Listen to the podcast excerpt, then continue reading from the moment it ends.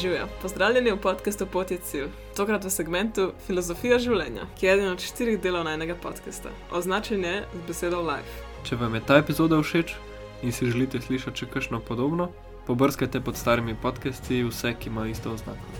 Živite v epizodi. Lep pozdrav, dobrodošli v današnji epizodi o denarju. Ne vem, še kako bo naslov. Živijo, živijo, sem skupaj. Ja, danes se po dolgem času nekako obotavljanja lotevamo te teme, ki je tako obsežna, da me ne prav straši, ampak bo probala narediti neko koherentno zgodbo. Ja, ta znamen smo v bistvu tudi razdelili v dva dela. V prvem delu se bomo bolj dotaknili družbe in korporacij in sveta, ki je v bistvu zgrajen okoli denarja. In v drugem delu se bomo ukvarjali bolj z osebnim odnosom z denarjem vsakega posameznika. Mislim, da smo danes bili prav razpoloženi za snemati to temo ker imamo tukaj v hiši notranje konflikte glede denarja. Da smo čisto pripravljeni se potopiti v to, kako imamo vsi ljudje tako zelo intenziven odnos z denarjem, na kakšen način se ta intenziven odnos že kaže. Ampak je pa vsake priložnosti. Mm. Vsi vemo, da je denar najmočnejša stvar. Vem, da je marsikdo od vas zdaj dobil kar potne roke, ja. sam da to omenjamo.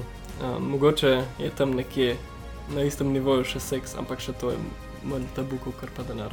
Dejansko veliko slišiš to, da, je, da ljudje lažje govorijo in poslušajo o seksu in o svojem osebnem stanju glede seksa, kot pa denar, ker je denar to težje od tega, kar je šokantno.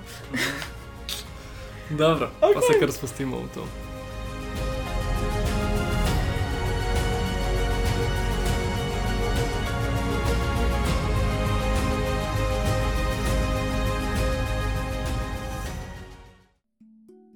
Za začetek mogoče samo razlaga, zakaj to počnemo, zakaj so se lotili teh um, tem. Recimo ta današnja epizoda no, bo sploh v luči tega, da malo svetlimo kakšne stvari, saj absolutno ne trdiva, da veva vse, zelo, zelo daleč od tega. Ampak ene stvari pa če mogoče osvetljiva iz drugega zornega kota, samo da prinesva malo to zavedanje v, v naše obnašanje mogoče. Ker, iz zavedanja potem pride možnost, da izberemo nekaj in da potem smo tudi mi ta faktor spremembe, ki jo želimo videti v svetu. V resnici je to odgovor, to, kar bo danes govorila, odgovor na veliko vprašanj, ki smo se jih mi dva dolgo spraševala uh -huh. v mhm. življenju, prej smo gotovila, kaj je fora. Fora je denar in vedno je fora denar, vedno ko nekaj ne razumeš, je fora denar. In zato bi tudi rada osvetlila ta del, mislim to pot razumevanja za vse, ki se sprašujete podobno vprašanje kot mi dva in vam ni jasen velik stvari, ki se dogajajo v tem svetu. In jih bo probala iz te denarne strani razložiti, da se jasno vidi, kako je v bistvu prišlo do tega, do če se je prišlo. Ja, doskrat se vprašam, kaj za vraga se dogaja na tem svetu, pa pa preko oči denarja je veliko stvari mi bolj jasnih. No. Mm. Veliko lažje razumeti. Doskrat se mi srce trga, ker to vidim, ampak saj razumem. Mm. Saj razumem, zakaj. Ja, se vedno slišimo, no, denar je sveta vladar. Ampak slišiš, ampak ne vzameš to resno, ker ne vem, meni osebno denar ni, ni sveta vladar in mi je težko gledati na svet čez take oči. Se kar težko predstavljati, da to dejansko tako deluje, ampak v enem trenutku, ko se postaviš v take čevlje, da je denar sveta vladar in slediš toliko denarja, pa res vidiš, da dejansko temu je čistko in čisto drugače. Hmm. Cool, zdaj za začetek, no, um, denar kot tak, kaj sploh to je, ne, kaj kako mi je videl nekakšno definicijo denarja. Ne? Ja, denar je v bistvu samo sredstvo, sredstvo izmenjave. In to je družbeni konstrukt, nekaj, kar smo si mi izmislili. In super je, noro nam olajša življenje, ker to. Totalen smisel je, da imamo nekaj, s čimer vrednotimo stvari, ki jih delamo, ker mi ne moramo zamenjati. Ne morem, če jaz delam, ne vem, če imam jaz koze, pa da imam kozi mleko, ne morem kozi mleko zamenjati za ne vem, diamante, ki jih nekdo koplja, ker pač ni enako vredno. Ne? Kaj pa to? Ja, ali pa če sem jaz profesionalni nogometaš, pa hočem biti na koncert od nekoga, kaj zdaj. Ja, mi boš rogo prcno glavo. Ja, a veš, pač, potrebujemo to sredstvo in odlično, je denar najbolj čudovita rešitev. Mogoče ni najbolj, sploh se ne moramo spomniti drugače, ampak denar je super. In to je to, to je to, kar denar je, sredstvo izmenjave. Ja, zdaj, kaj pa je sam po sebi? Ko rečemo denar, kaj si predstavljamo? Predstavljamo si kavčke, polne bankovcev, predstavljamo si bazen kovancev, strica skupušnika. Sploh ne vem, kaj to. Veš, on raček, ki skače v. Ne, absolutno ne, pojma. Okay. predstavljamo si mogoče številke na zaslonu, ko odpremo svoj bančni račun, ampak v resnici so vse to samo fizične predstavitve te ideje. Sama ideja denarja je povsem fiktivna in ne obstaja, nima fizične oblike, ampak zato, da jo lahko mi dojamemo, da jo lahko štejemo, da lahko um, spravimo karkoli že, to pa rabimo neko fizično reprezentacijo. Tako da v resnici je denar samo ideja, v katero vsi verjamemo. Sprav, to je kulturni, družbeni konstrukt, v katerega vsi verjamemo, kadar pa ne verjamemo v to, takrat se pa zgodi inflacija, oziroma denar izgubi svojo vrednost, ker tudi njegova vrednost je samo odvisna od tega, kako močno verjamemo v njega. Mm. Ja, to je kar smešno, če tako postaviš definicijo.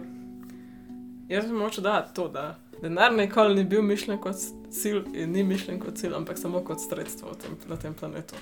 In dan danes ga večina nas, oziroma večina ljudi, jemlje za cilj. In zaradi tega se je začelo vse vrteti v eno zelo čudno smer. Tako, za marsikoga nerazumljive, dejanja nerazumljive, izide tega vsakodneva. Ja, zdaj, kar se tiče same tako ideje, ne, kaj delamo, kupujemo, kaj kupujemo, kupujemo zadovoljstvo in srečo in izpolnjenost v življenju.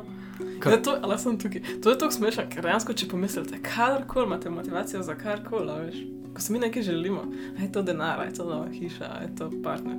Dejansko mi vedno samo želimo občutke, vedno samo želimo čustva. In tudi isto, materialne stvari, vedno samo želimo čustva, nikoli ne rabiš denarja, hočeš samo občutek tega denarja. Hmm.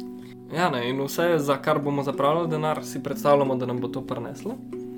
Oziroma, tako v veliki, v veliki schemi, če to gledamo, ne pač samo zadoščujemo svojim potrebam, tako majhnim ali tako velikim, kot si jih lahko predstavljamo. Včasih so te potrebe dejanske, včasih pridejo nekje drugje, ampak to, kar si rekla, ne, da smo začeli zamenjevati denar kot, kot cilj, ne, to je meni tudi malo razumljivo, no, da je pač denar postal cilj, ker ga lahko štejemo. Ker naše sreče ne more za to številko, našega zadovoljstva, veselja ali pa karkoli že iščemo v življenju, je težko da to številke. Medtem, ker denar je pa tako popoln, ne, da ga lahko dejansko rečemo plus ena, plus ena ali pa dvakrat mm. več ali pa karkoli. Ne. Zelo je logičen. Ja. Ja, ne, in za ta svet, ki je zgrajen na tem raciju, na tem moškem principu, je zelo uporaben. Ne.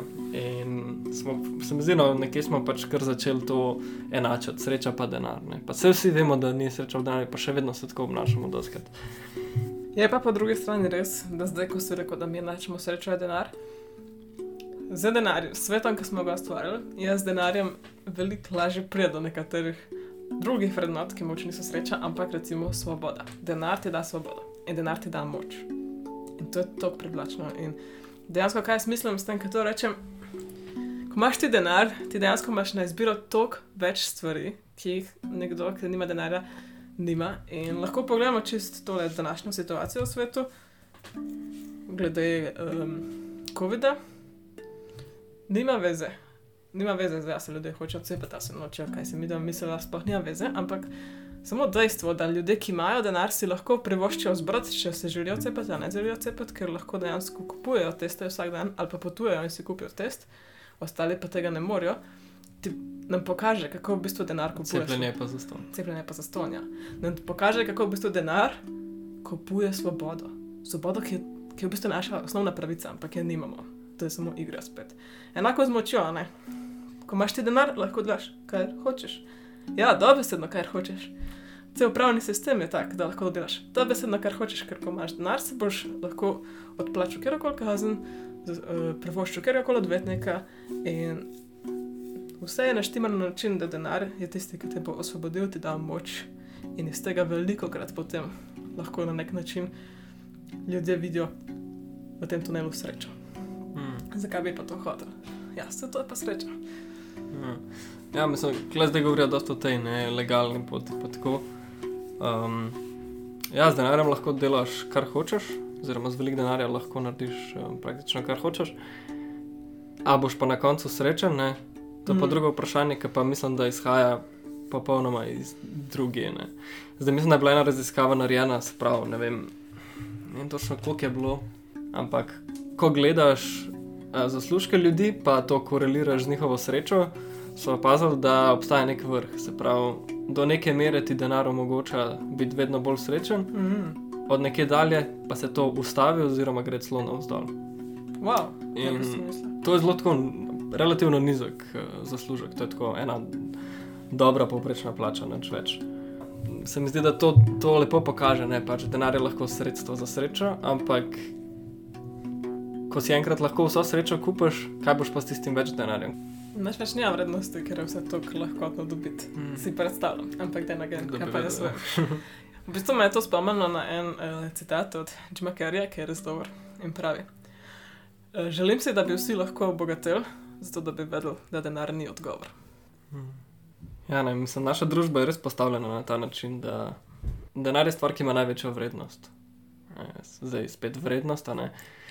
Merimo z Denar je denarjem. vrednost, ja. Ampak, um, če gledamo v smislu vrednot oziroma dejanja ali pa sistemi, ki se dogajajo, pa potem pogledamo, kaj se prioritizira. Se pravi, če ti pogledaš na cesto, pa vidiš, da ni pločnika, se pravi, prioriti, prior, prioritiziramo avto. Na tak način lahko gledamo tudi karkoli že. Se, kaj hočem reči, je, da doskrat v tem svetu se zgodi, da ima denar večjo vrednost kot ljudje da je denar več vreden kot narava, da je to več vredno kot vem, čista voda ali pa zdravje ali pa karkoli. Dejansko Oh, se nam. več vredno kot zdravje. Ja, pogosto se nam zgodi, da, da smo pripravljeni prodati duše, ljudi, pr- pripravljeni smo prodati svoj čas, konc koncev, zato da bomo imeli več denarja ali pa neko stvar, ki ima večjo vrednost v denarju. Ne? Ja, to je v bistvu zelo zanimiva misel, ker wow, vsakeč, ko pogledaš, kaj vse se dogaja v svetu danes in kako ljudje delujemo, in kakšne vse korporacije obstajajo, ki delajo najrazličnejše stvari, ki mogoče jih objektivno lahko označimo za slabe, celo recimo, da sekamo amazonski gost, pa take stvari, pa podjetja, kjer so ljudje zaposleni po minimalni plači in delajo 12 ur na dan in tako naprej. Dejansko na koncu vedno prideš samo do denarja. Zakaj, zakaj so vse stvari made in China danes? Zakaj je vse narejeno v Vietnamu? Zakaj otroci delajo naše najkice? To je zaston, pač. to je praktično zaston delovna sila. In, ima, in nekako se to zgodi, to se je zgodilo v človeški zavesti, da je to postalo ok. Ok je postalo, da mi izkoriščamo vse, kar nam je ta planet dal, vse ljudi okoli nas, zato da lahko živimo udobno življenje z velik denarja. Ne samo ljudje, ki so na pozornosti, tudi jaz pa ti, konc koncev. Samo da jaz pa ti so na nek način prisiljena podpirati to sranje, da ne rečem drugače. Medtem ko nekdo, ki ima pa velik denarja in ima več svobode, spet in moči, pa tega ni prisiljen izbirati. In kaj s tem mislim? Jaz ne morem reči čevljarju in ga prositi, da mi naredi čevlje iz nekega materiala, ki ga je lepo bral. Pač jaz nimam toliko denarja, da dam 300-400 evrov za par čevljev. Jaz bom šla kupiti pocen čevlje. Ampak človek, ki ima denar, pa dejansko lahko zavestno zbira, da bo delal, da bo kupil čevlje, ki so bile narejene po svoji vrednosti in ne z izkoriščanjem planeta, izkoriščanjem ljudi in tako naprej. In danes, danes je to že začaran krok. Dejansko je začaran krok. Mi ne namerno vse čas spodbujamo izkoriščanje in prioritiziranje denarja in vrednotenje denarja kot najvišjo vrednoto, ki na tem svetu obstaja. Z vsakim nakupom to delamo ponavadi, ne da bi Mm. sploh dojel. In čeprav so vse naše vrednote v družbi vedno, rečemo, vrednota je biti prijazen, biti pošten, biti iskren. Te vrednote, ki, smo, ki se jih mi po besedah učimo v družbi, so vedno popolnoma drugačne od tega, kar na koncu vidiš, ko pogledaš svet. In ko pogledaš svet, vse, kar vidiš, je vrednota je denar. Ja, klema v bistvu tudi to spomne, ne, ta ideja, da um, vse, kar se prodaja v tem svetu, sploh te izdelke, ki so mogoče malo mal več od osnovnih, ne, um, ali pa vse, kar je malo bolj fancy, čeprav je neka osnovna živila ali karkoli, se prodaja na reklamah kot to ti bo prineslo srečo. Ne. Se Mhm. pravi, v imenu te sreče smo pripravljeni mi, pogosto nesrečni, delati več ur ali pa 40 ur na teden službo opravljati delamo za denar, s katerim lahko potem kupimo stvari, ki nas v resnici ne delajo srečne. Ne? Ja, samo idejo imamo, da nas bojo. Ja, samo to idejo nam pa prodajo. Mm. Mm. Se pravi, mi, to, kar si rekla, ne, te vrednote, mi v naših besedah uporabljamo te vrednote, pa širimo, ne vem, ljubezen pa veselje, po drugi strani pa kaj pa delamo, kaj pa v resnici prodajemo, je pa ravno nasprotno. Meni se od takih klasičnih situacij zdi dejstvo, da veliko ljudi pluva po sistemu z denarjem, potem kako si kradejo denar, potem koliko je nepravice v svetu okoli denarja in tako naprej. Ne, kaj politiki delajo, kaj korporacije delajo, bla, bla, bla. In potem, ko se oni pojavijo v takih situacijah, na sicer ful manjši ravni, na ravni, na ravni ne vem, da jim razdeliti denar med vse upletene, ker nekaj skupaj delamo, ali pa da jim razdeliti uh, najemnine med vse pravično, ali pa da jim razdeliti karkoli, take čist male stvari, ali pa ne vem, v službi, če gremo na, na pot, pa potem nekdo organizira. Na takih malih stvarih pa se potem ljudje znajdejo v preizkušnji in se zelo hitro vidi, kako je res to, kako je denar tako zapleten.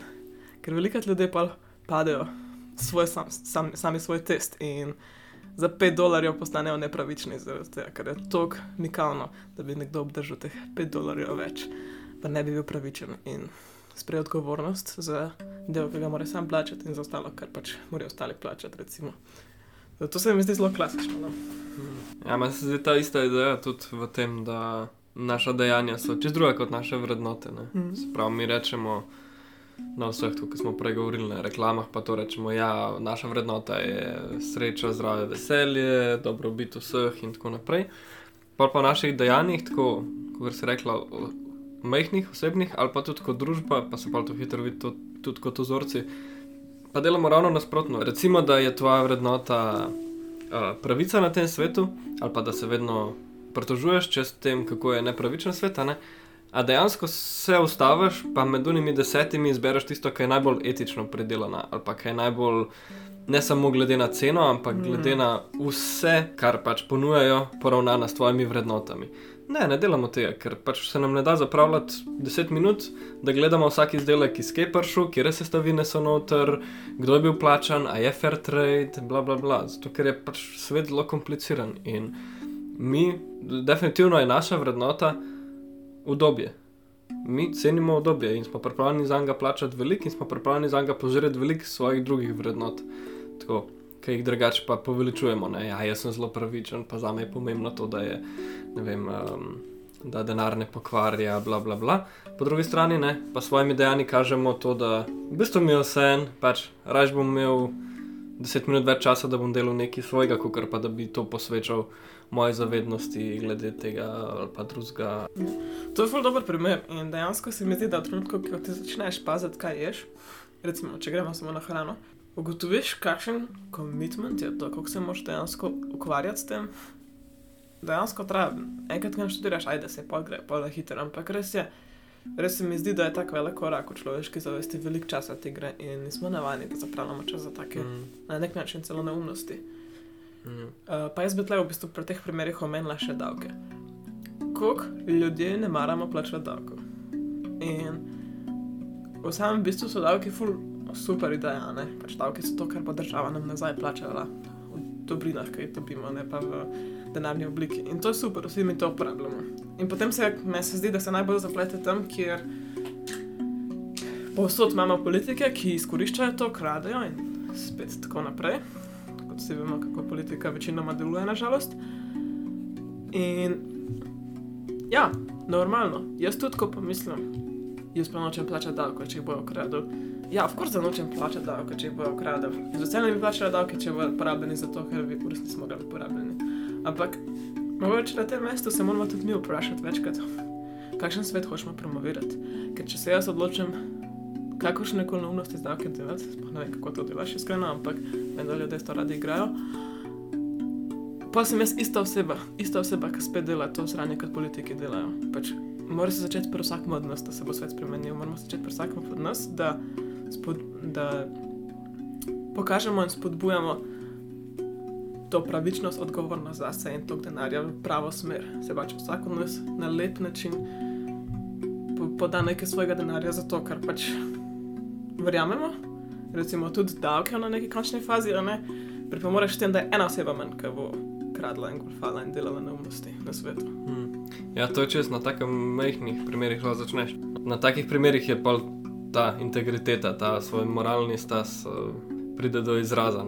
Tako, no, jaz bi klasi pogledal malo te naše družbene koncepte, se pravi, kako mi, tako kot si zdaj omenjali, recimo politiki kradejo. Pač to je nek stereotip oziroma neka stvar, ki je doskrat res, doskrat tudi ni, ampak tako. Um, Mene, meni je vedno zanimivo gledati, kaj v resnici promoviramo, ko naprimer v družbi uporabimo besedo dober ali pa priden mm. ali pa take stvari. No. Pozdravljeni v skrivnem zvoku. Če veste, kateri zvok je to, nam lahko napišete na Instagram, Facebook ali Discord. Vse linki so spodaj. Kdorkoli ugane prvi, ga čakajo čudovite nagrade iz Nove Zelandije.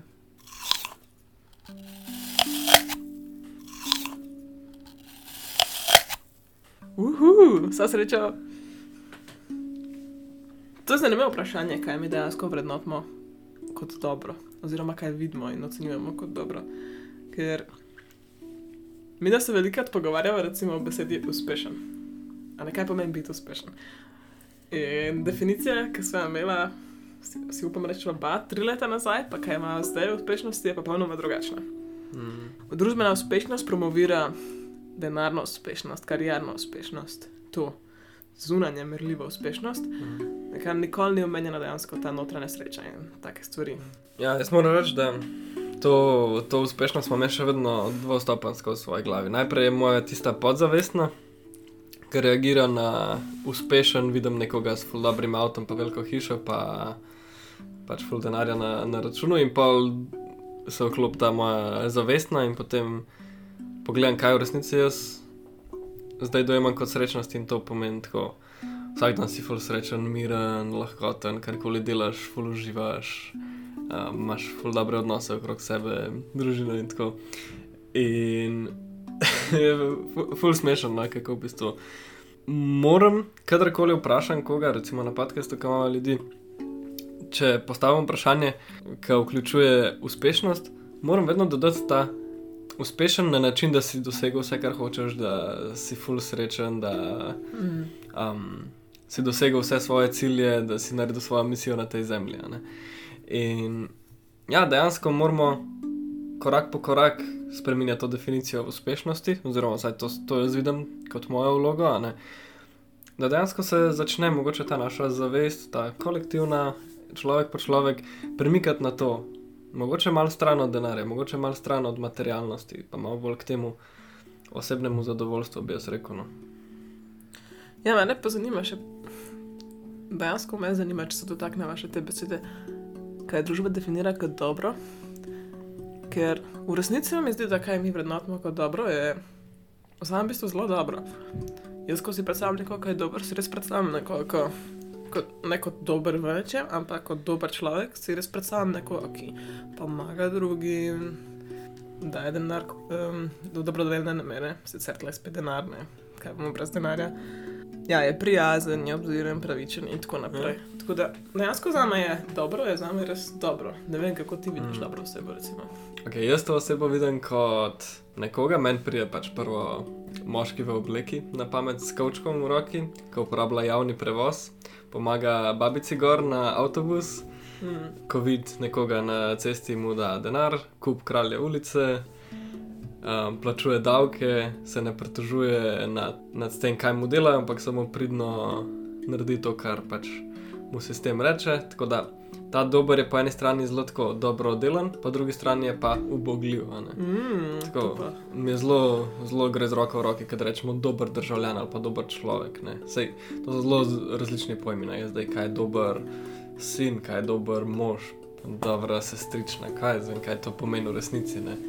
Ampak mogoče te niso tako povezani na denar, prsaj, ampak tako kot državljan pa se mi zdi, no, da takoj pridem na to v uslugi države na način, da se absolutno ne kontrira um, obstoječemu sistemu. Ne. Mm, pa smo spet pri sistemu. Ja, pa mogoče pol priješ tudi dosti hitro na ta povprečen. Ne. Tako ta dober pa povprečen, včasih gre z roko v roki, tako ker se mi zdi tudi ne. A veš, dober se ne pritožuje nad medicino, ampak vzame svoje tablete pa nadaljuje svoj dan. Ja, Na tak način, veš, tako ful, enih slik mi gre v glavi, kar je ful zanimivo, tako lahko gledam kulturne ideje preko tega, kar pride direktno ven iz mene. To je ta jungovski pogled, ful Mm. zabaven s tem. Ampak to je zanimivo, ker jaz se ful strinjam s tem pogledom, ki si ga zdaj rekel, ampak jaz ga nimam pravzaprav zares, ker jaz ne, ne vem, kaj ti rečeš. Dober, jaz si pa predstavljam, da če je nekdo dober, pa ni povprečen. Pa le dober, neč, Mm, mm. pa le mm. na, velik nas pa preče, ker je dober. Je ful zanimivo, kako imamo čist drugačne poglede na iste besede. Mm. Pa mi dva lahko rečemo, da smo dejansko v isti družbi odrasla. Pa imamo vse en drugačen pogled. Ja. Ne, vse ti pravi, no, meni ta dober gre tudi s tem. S temi malimi dejanji. Čeprav bi pa zdaj rekel, ne, kdo je pa za me zdaj dober, je pa nekdo, ki aktivno gre ven iz sistema, mm -hmm. ki aktivno mogoče zelo kritizira nekoga, ki bi bil redko kritiziran, zato ker je na položaju, zato ker ima navidezno avtoriteto, ker ima naslov, ker ima denar, celo pa mogoče ta dober človek, čeprav nima nič od tega, kar bi mu dajal moč ali pa neko avtoriteto, še vedno sledi svojim moralnim načelom, še vedno se aktivno, pa ne bomo rekli bori, ampak samo, da sem glik bral recimo od Čomskega tele. Odgovornost intelektualcev. Dejansko govori o tem, kako pač imamo intelektualce, ki samo so v uslugi države, ampak v resnici ne izrabljajo svoje pozicije v družbi, da bi delali več pravice ali pa um, prenašali več dobrobita sveta kot takemu. Ne?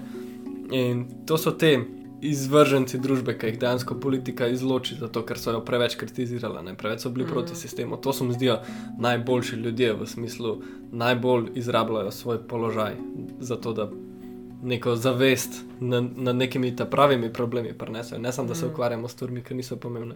Tako, to, to je za me dobrost. Ne? Upati slediti sebi, tudi takrat, ko težko. Ja, ja, to, to to. to, to. Ne izdati sebe. Mm. Wow. Ja, fuz zanimivo. Pa če se tukaj naprej še pogledamo, recimo, cenjene poklice. Kaj mi vidimo kot dober poklic, kaj se spodbuja naše otroke, da postanejo, ker je cenjeno, bogato nagrajeno in tako naprej. To je pravo, biznis, medicina, politika celo. Ja, gotovo pa ni kmet, učitelj, kuhar ali pa karkoli v tej, v tej branži, kjer dejansko skrbiš za ljudi na način, da zadoščuješ te osnovne potrebe. Mhm. Se pravi, daš hrano na mizo, pa jo vzgajaš otroke, ki bojo potem pač sestavljali kult, um, družbo kot tako. Ne. Recimo, kaj so naredili na finskem, ne?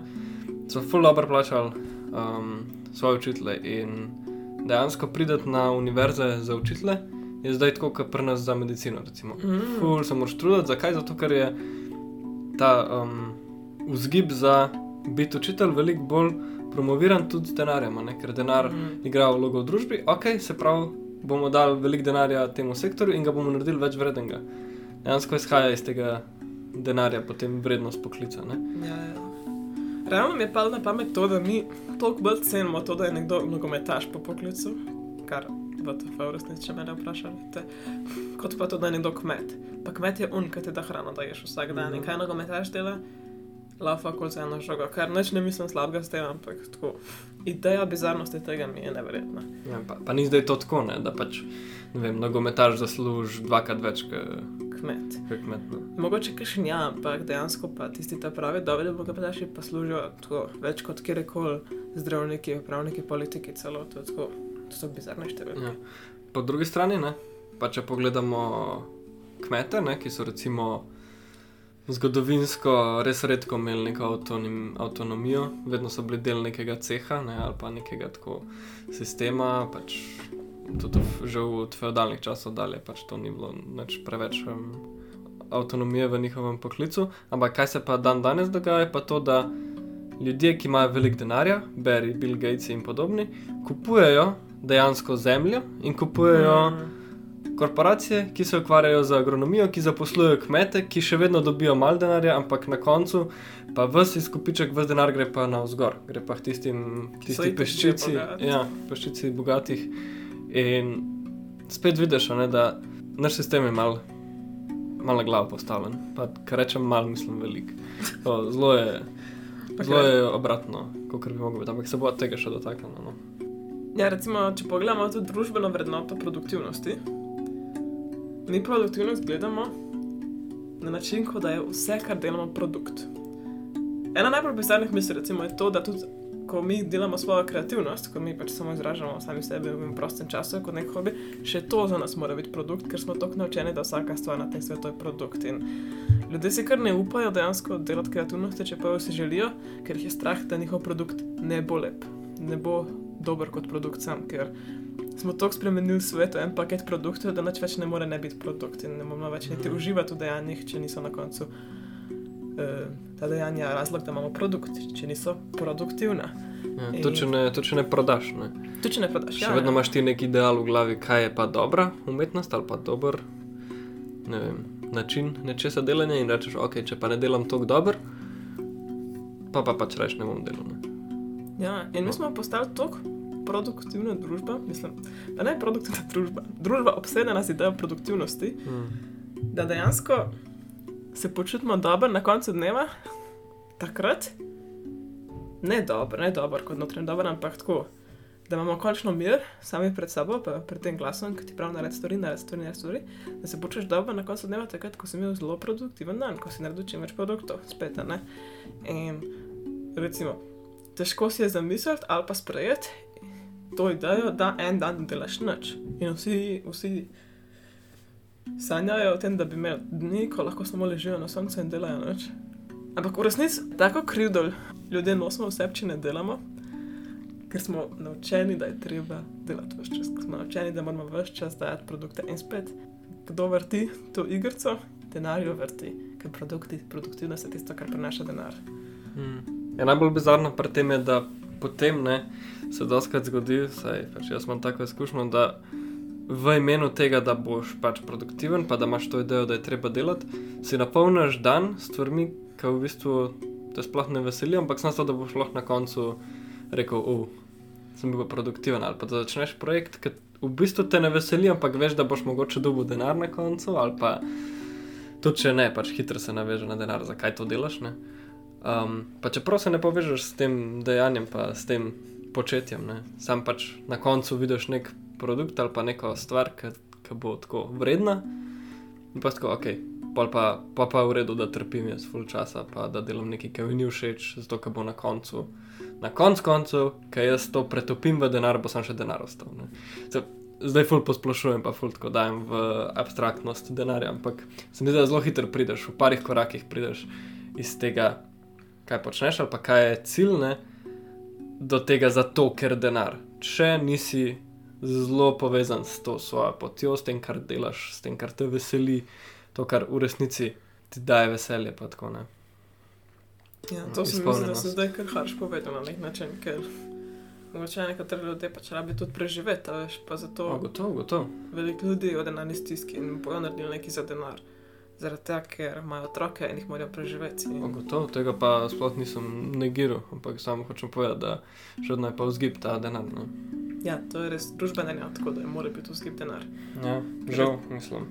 Realno, glede ta primer, ki sem ga omenila, če pomislim na neko mati samohranilko z dvema otrokoma, se mi dejansko ni narejen sistem tako, da poskrbi za to mati, da dobi neko pomoč za otroke. Mm. Mora sama skrbeti za stanovanje, za plačo, za uh, šolo teh otrok, za vse obleke, hrano in tako naprej. In normalno pač to je. Enkrat sem prebrala nekaj čist bizarnega, da ne vem, kaj točno je bilo, ampak poanta je bila, da so se ljudje pritoževali, ko je prišel neki državi ven zakon, da bojo pa zdaj mame samohranilke dobile nek denar od države. In cela država je šla na noge, da njihovi davki se pa ne bojo za to pora- porabljali. Ne spomnim se, kje je država bila, ampak tako ideja tega in bolečina tega, da ljudje kot osebe niso pripravljeni v njih par centov, ki od njihovih davkov bo na leto šlo tako ljudem, ki dejansko nimajo. Ljudem, ki dejansko ne morejo preživeti otroke, da smo tako sebični, da smo prišli do te ravni, pa to je pa bizarno. To je pa bizarno, da tako noben ni pripravljen dati niti par centov svojega denarja za to. Ja. Pa se ni porak le v par centih, ne gre se bo. Ja, ja, itak. tako ideja, kam namenjamo ta denar, kar se ful dobro pa naveže na to, da to, kar si rekla, ne, ljudje, ki nimajo, ni poskrbljeno za njih in dejansko ne morejo razmišljati o tem, kakor, kako dobiti denar zdaj in tukaj, da lahko preživim jutri, da lahko preživim svojo družino, Mm. da lahko jemo mogoče več, kot pa ne. In to je pa ta stvar, ki me dela pa res žalostnega, ker vidim, kako sistemi delujejo. Je to, da imamo v bistvu usistemljeno revščino, imamo Mhm. usistemljeno depresijo, imamo dejansko z zakoni, z načinom, kako mi porabljamo naš denar, kako se denar pre, pretaka, oziroma gre skozi to sito politike in zakonov, na koncu ne, ta ideja trickle down, da dejansko imamo denar in v ekonomiji potem večkrat je denarja, več lahko vsi dobijo. Bullshit. Samo več kot je denarja, manj ga dobijo spodaj. To je trickle up ekonomija, ker dejansko vsi, ki so revni, vsi, ki niso na vrhu, dajo posredno ali pa neposredno denar ljudem na vrhu. Se pravi, če imaš ti denar, daš uh, denar, ne vem, Amazonu, Googlu, z vsakim svojim dejanjem vsak dan. Sej, sej vem, da veliko časa vsi preživimo na Googlu, Amazonu, Apple, whatever, pač vsi vemo. Facebooku. Ja, da hitro hiter in vsakodnevno dajemo denar ljudem, korporacijam na vrhu. Okay. Po drugi strani imamo pa pač mi te, imamo samo hranilke, imamo ljudi, ki so brezdomi, imamo ljudi, ki so brez kjerkoli metja. In to ne tako v procentih, ampak tako v 10 procentih, v 50 procentih. Pač dejansko ljudje, ki živijo pod, recimo v Sloveniji, koliko ljudi je na minimalcu, veliko preveč. Veliko preveč in kaj lahko minimalc prenese, neki družini, ne? če ima dva ali pa celo samo enega starša um, na, na minimalcu, ne prav dost. Ne prav dost in iz tega potem izhaja, da morajo kupovati slabo hrano, morajo delati za njih objektivno slabe odločitve, morajo prodajati svoj čas, včasih slovo več kot eni službi ali pa več kot dveh službah, več kot vem, deset ur na dan. In hitro vidiš, da nimajo časa ne skrbeti zase, ne za svoje odnose, ne za nič drugega, sam, sam zato, da bodo dobili dovolj denarja. In to je ta sistemna revščina. Dejansko ne daješ možnostim tistim, ki so pač pod nekim pragom, da bi imeli dobro življenje. In mene to je zdižalo na nivoju tega, da človek nima dejanj, mi imamo v teoriji vsi pravico do zdravja, pa do čiste vode, pa do hrane, pa takih stvari, ampak v resnici to je samo v teoriji, ker človek, ker nima denarja, da bi si prvoščil kvalitetno hrano, nima, pravi, nima pravice do hrane. To ni dejansko pravica do hrane, to je bullshit, ker mi jemo tako sranje, pač da to je ne za ne verjeti. In to pelje v bolezen. Se pravi, te ljudje dejansko nimajo pravice biti zdravi, ker nimajo denarja, da bi si plačali pikico dražjo hrano, ki pa dejansko ima kakšno nutricijsko vrednost. In to mene to boli videti, ker dejansko to je, točno to, kar si rekel, sistemsko je. Sistemsko je, da ljudje bojo zboleli, sistemsko je, da ljudje ne morejo skrbeti za svoje telesa, da nimajo časa skrbeti zase in da je prej slabo prišlo do bolezni, ker tako pač človeško telo deluje. No, če ne fizične, pa psihične. Ja. Za vse to imamo tablete in spet.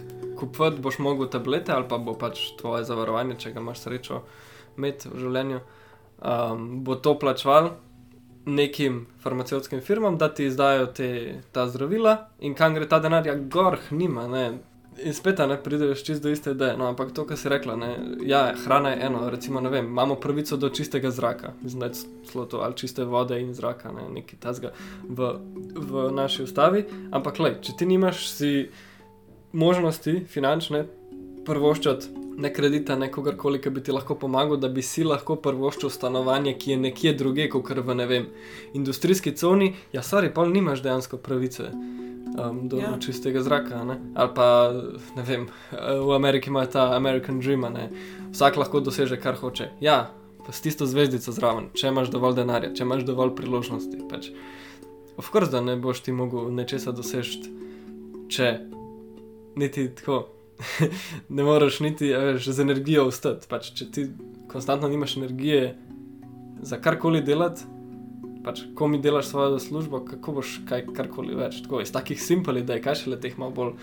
Mal manj utipljivih, zdaj, zdaj mm. izpostavljamo samo te, ki so res tako zelo jasne. Ja.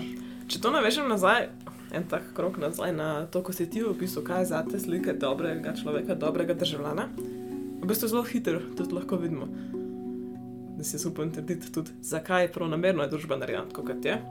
Ker ljudje, ki nimajo denarja, ljudje, ki niso, nimajo časa, ljudje, ki nimajo energije, ljudje, ki nimajo zdravja, imajo večje probleme, da se ukvarjajo, kot da spremenjajo krivice v svojem svetu. Imajo svoje probleme, da jih rešujejo. In taki ljudje so poslušni in se ne bojo upirali in ne bojo delali ničesar kritičnega, ker ne morajo, ker niso sposobni. Tako da ja, meni se to v resnici zelo sistemsko narejeno. Ja, zdaj spet ne, malo mal narediva en krogec nazaj, ki si pa rekla na davke, kako uporabljamo davke. Pa če to naveževa s to sistemsko revščino. Pač zdaj, jaz bom dal en podatek, ki je sicer za Ameriko. V resnici ne vem, kako je v Sloveniji, no, um, zato ker mogoče imam več dostopa do materijalov, ki so narejeni za vem, Ameriko, ki je tako kot prvo lep primer, pa je tako globalna vodilna sila. Um, pa v Sloveniji ni dejansko toliko, se mi zdi, niti te finančne moči, tako Slovenija kot taka ni toliko močna država, da bi se pa ukvarjali s takimi zneski, ki bi prenašali moč državi. Ne? Se pravi, Amerika je finančno veliko močnejša država in je zato tako močnejša v tem objektivnem smislu, če predpostavimo, da je denar ta vladar, kar je. Um, tako da, ja, no, recimo za Ameriko lahko povem to. Oni imajo tam v svojem letnem proračunu, ne imajo pač trilijone in trilijone na voljo. In od tega gre en velik del za vojno, se pravi za vojne namene, zato da se ohranja um, v narekovajih mir ne, v svetu, pač beri to, da se širi ta moč in vpliv Amerike, oziroma da se povablja države v čim bolj dob dobičkonosno ekonomsko povezavo z Ameriko bodi si nasilno ali pa malo manj nasilno pridobljeno. Ne, že, že ta ideja, da je to sploh moralno, pač, če se me vprašaš, zelo daleč od tega. Po drugi strani pa, če ti predpostaviš, da je Adam Smithovsko postavljanje ekonomije ta objektivni način, kako lahko vrednost damo nečemu, ne, se pravi, čim več. Kad produciraš, več kot prodajaš, več kot se kapitala zbira, več bolj si vreden. Ne? Pa, pa pač ima to smisel, ne se pravi, da boš ti tudi z vojno lahko komu to pravičil. Ne? Ampak do česa je tam prišlo v resnici je to, da vojna je postala čist samo ekonomski interes. Se pravi, ti imaš ljudi, ki delajo orožje, ki delajo, mislim, glih vse živo, pač vojna rab vse, ne rab tehnologijo, rab napredek, rab obleke, rab hrano čist na vseh nivojih se to dotakne. Orožje, orožje so malo draga. Ja, orožje pa sploh ne, pač. to, to je pa največji trg sploh. In dejansko imaš pač tako, ne? ti imaš politiko in ljudje, ki so bili recimo um, obramni ministri ali pa so še vedno, hkrati sedijo na odborih firm, ki ustvarjajo orožje. In zdaj pa mm. pač, ok, valjda boš ti dal zakon ali pa boš podpiral tudi v medijskih nastopih, recimo boš podpiral vojno v Iraku, v Afganistanu, kjerkoli. Čim več vojen, več, več, več, več kaj vojen, več bomo lahko orožje prodali. Po drugi strani ne pa pač, kdo bo plačal za to, ja, davkoplačevalci, še bolj dotično bo šlo to iz, pro, iz proračuna. Ne? In kaj se recimo, ne, že ta ideja cela je pač totalno tako. Mene kar bolijo možgani, res postanem žalosten, ko slišim te cifre. Se pravi, mi smo, ne vem, mislim, čist samo ameriški vpliv je ubil milijone in milijone in milijone ljudi, pač pazi milijone, samo zato, da lahko ljudje služijo milijone in milijarde in tako naprej. Ne. Tako da dejansko smo mi že velik, velik časa nazaj zamenjali človeška življenja za denar. Ne. To je tako. Mm, pa sploh ne takrat. Pa sploh takrat, ko gremo lahko daleč od srca, daleč od, daleč od oči, daleč od srca, ne se pravi, damo vojne nekam drugam v Južno Ameriko ali pa v Sirijo, pa noben ja, ne ve. No, ampak kaj hočem povedati? Ne, bilo je letos, če se ne motim, um, so z novim tem proračunom povečali proračun vojske za 25 milijard dolarjev. Okay, zakaj? Pač zato, da bo še več zaslužilo. Um, Simpel. In človek bi si mislil, da je 25 milijard, wow, to je pa je full velik. To v resnici, glede na glede na proračun, ki ga ima vojska, so novinari, ki so to poročali, opisali kot zaokroževalno napako. Sprav to je tako, manj kot en procent dejansko proračuna. No, to, to je ta bizarnost. Po drugi strani pa 25 milijard lahko reši problem brezdomstva v Ameriki. Se pravi, oni so pripravljeni pobrati še tisto malo, kar bi lahko porabili, da dejansko pomagajo ljudem, da dejansko ljudi potegnejo ven iz revščine in jih naredijo legitimne člane družbe, ki imajo osnovne potrebe za dovoljenje, bodo rajš um, dobili vsi par milijonov več te uh, kontraktorje, izdelovalce orožja. Na, na tej skali se to dogaja. Pač ni, to, ni to tako, eni drubiški tam, pa to pa enega človeka, enemu človeku bomo pomagali. Ne. Celo brezdomstvo lahko rešimo z tem enim, um, z eno kapljico v morju. Okay, jaz sem že brez besed. Se, tukaj se mi že tako zdavni poraja vprašanje, zakaj je sploh legalno imeti firme z orožjem. Zakaj imamo mi firme z orožjem, pa kaj je to? No? O moj bog. Mm. Tako dobičko nas. No? ja, okay, hvala, ker si mi to razjasnil. yeah. Ne, jaz specialno nisem prej do konca še pogledala svojega primera, ampak bi rada povedala ta zanimiv podatek. Mm -hmm.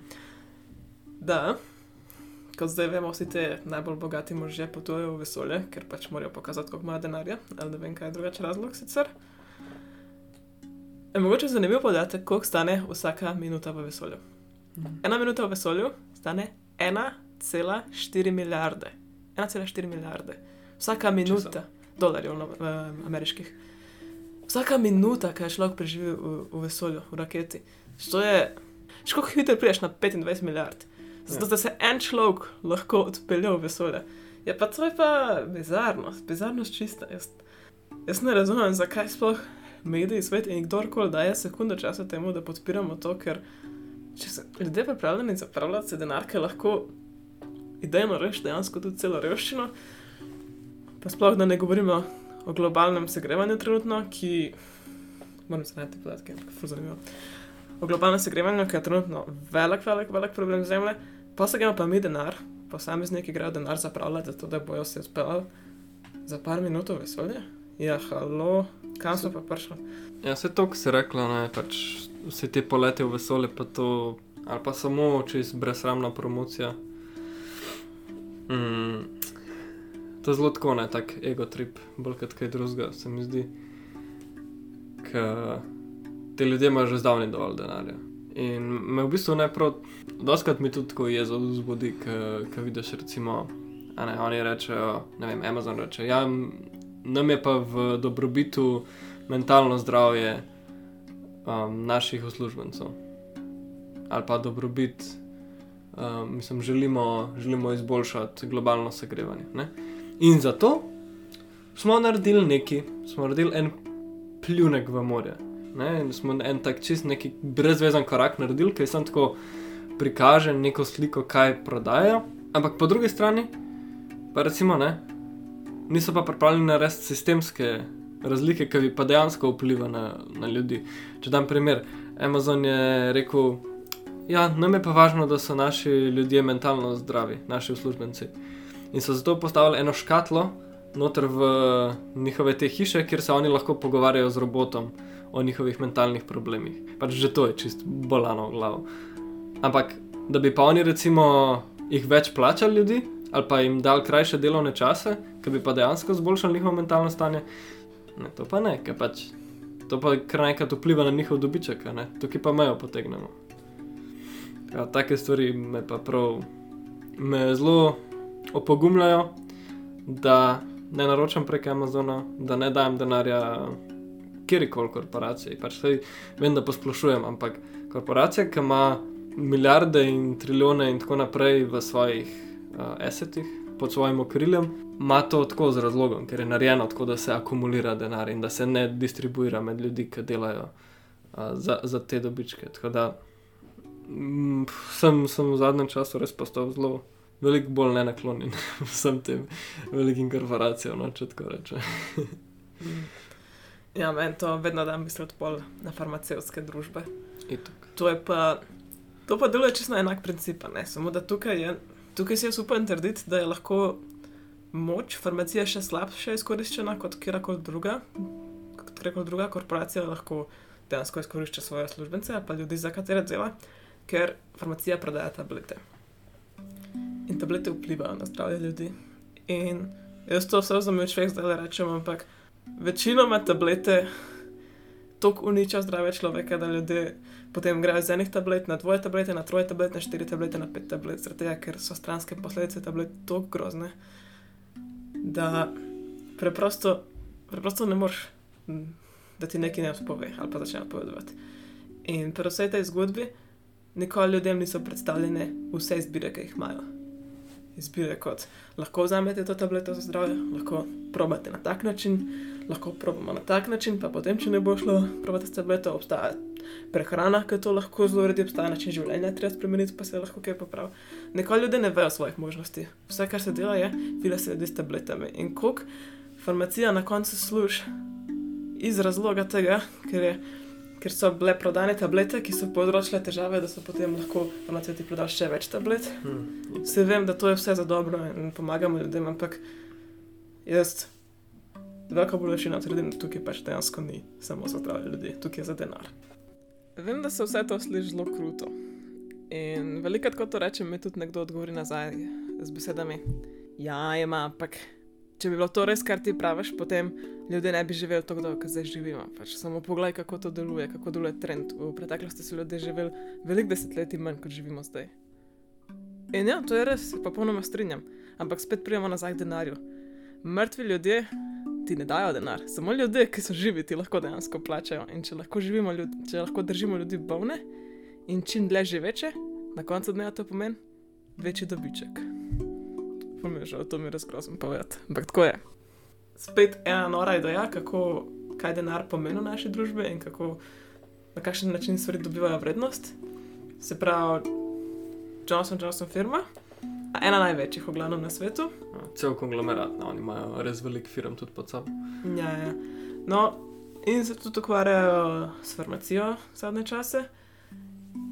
In eno leto nazaj je bila ena velika drama, ker se je izkazalo, da so v nekih zdravilih prodajali preveč opija.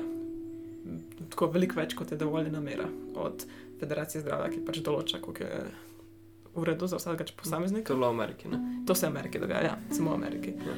In v glavnem to je prišlo ven, potem so bile sodbe, na koncu so oni dobili 350 milijard dolarjev kazni. 350 milijard. In po tej sodbi so jim delnice zrastle. Ne padle, zrastle. Ker, kako se to v biznis svetu gleda?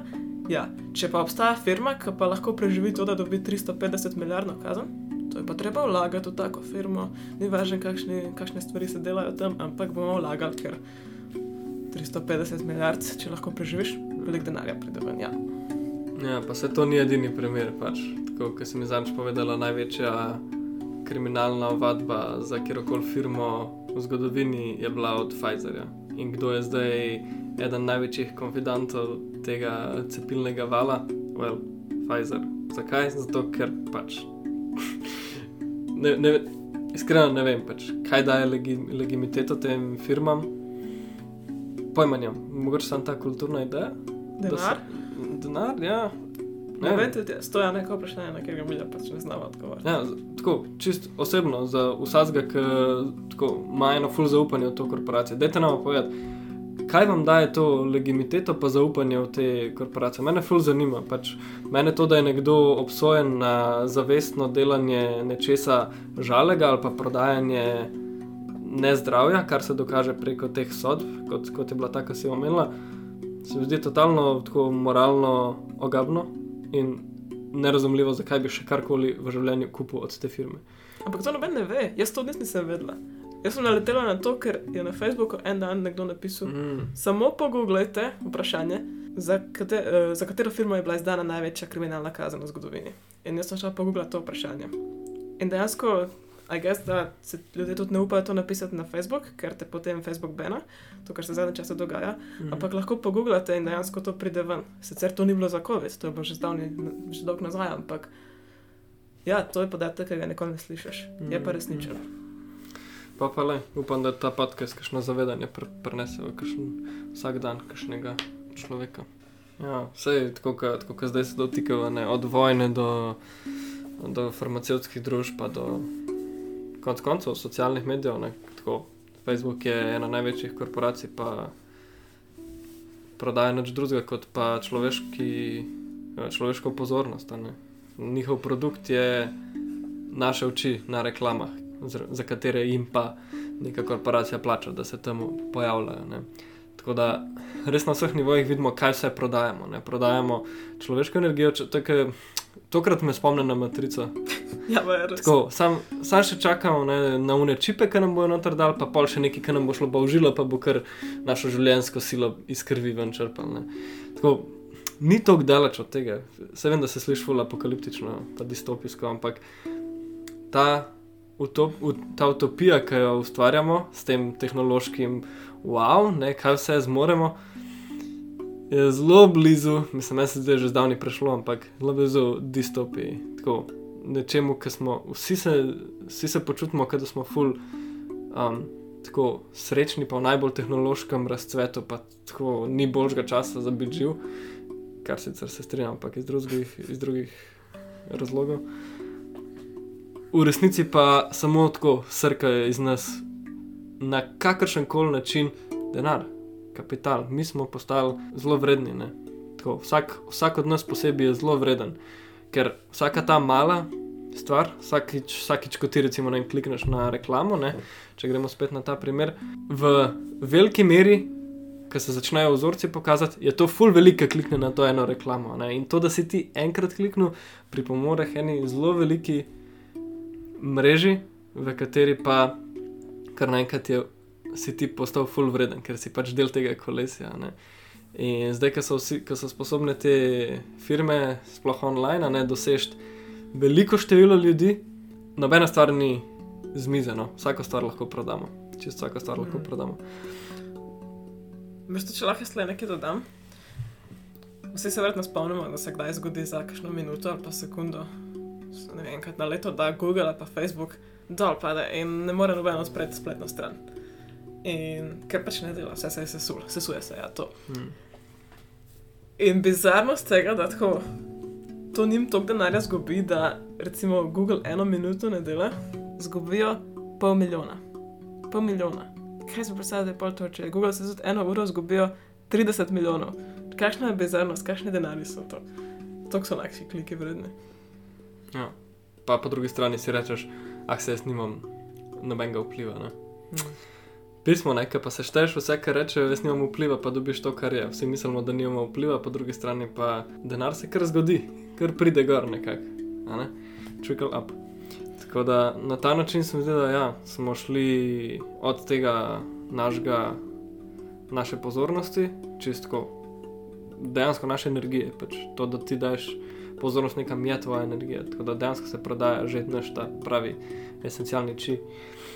Uh, do tega smo šli, od tega smo šli do, pravi, preko ideje, da je da človek ni enako narava, oziroma da je narava nekaj, kar lahko izrabimo za maksimalno produktivnost in da je celo vloga človeka to, da, da to dela, kar se mi zdijo čez bizarne teorije.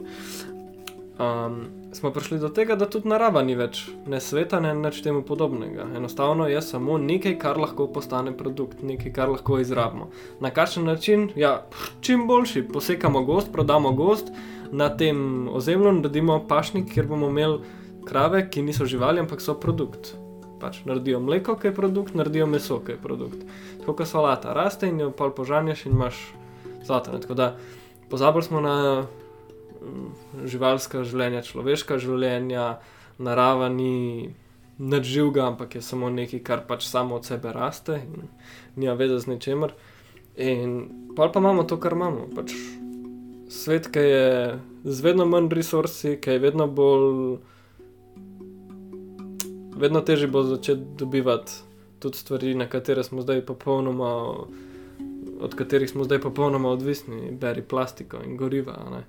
Tudi tega bo enkrat zmanjkalo in kaj bo takrat, pač ali se bo svet sesul, ali bomo pa primorani razmišljati takrat. Kar se mi zdi pač izglupo. Pač. Vse vem, noben ne verjame v prihodnost, zato ker je to nekje, kar ne obstaja še.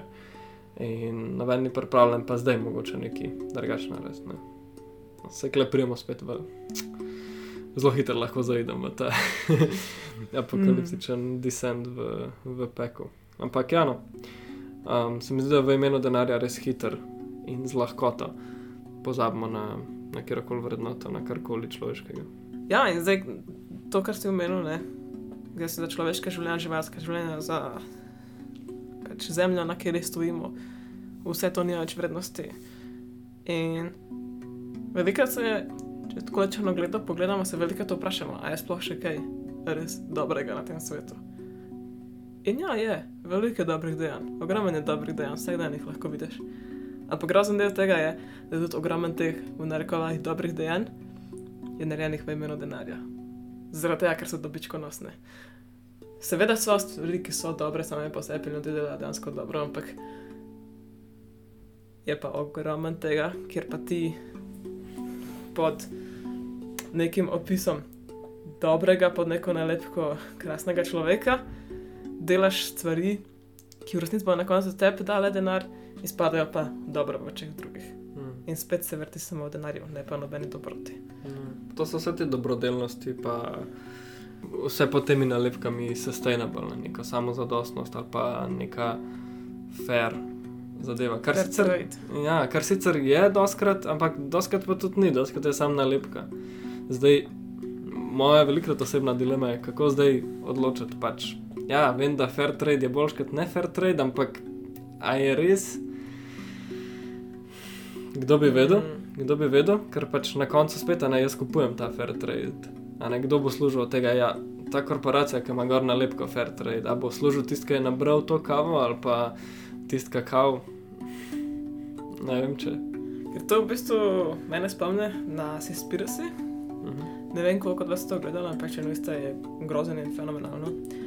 In tam veliko govorite o teh nalepkah, kjer se pač prodaja ideja, da, je bilo, da so bile ne, ribe tune lepo ujete, da niso bili poškodovani delfini v ujemanju tun in tako naprej. In prav ena specifična nalepka je taka modra nalepka, kjer trdijo, da če ima pa konzerva tune to nalepko, noben delfin ni bil poš poškodovan. In fant, ki je delal to serijo, ki je naredil ta dokumentarc, je v bistvu šel proti tja, kjer um, v kompani, v korporacijo, kjer te nalepke prodajajo.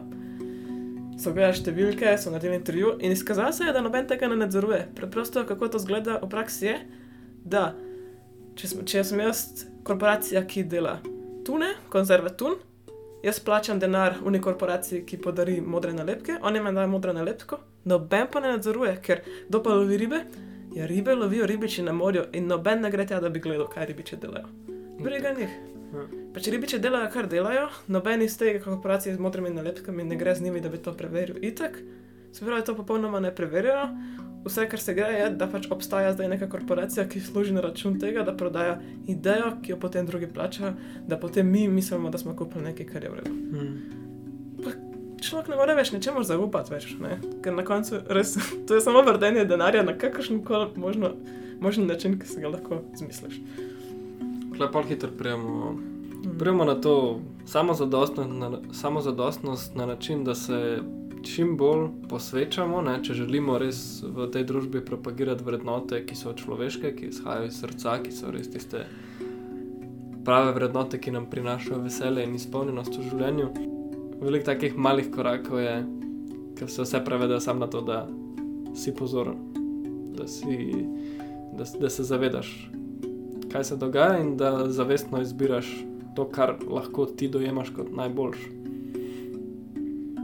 Ja, ker na koncu dneva mi smo družba in mi smo sistem. In mi smo tisti, ki postavljamo vrednote, mi smo tisti, ki postavljamo norme in s tem pač pokažemo, kako hočemo, da družba deluje in kako družba bo delovala, če bo vsak od nas deloval na tak način.